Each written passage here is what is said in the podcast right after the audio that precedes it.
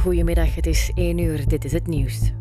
De zaak rond Camille Serraas, de 20-jarige vrouw die op 7 augustus 2018 spoorloos verdween, blijft verbazen.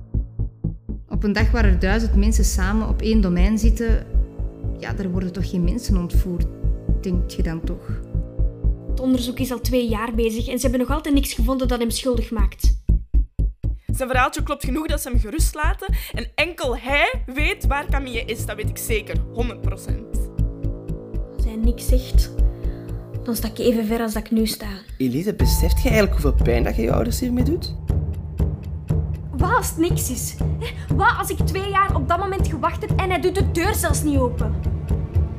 Ik weet dat jullie denken dat ik haar iets heb aangedaan, maar ik zweer u dat het niet waar is. Heb jij mijn zus vermoord?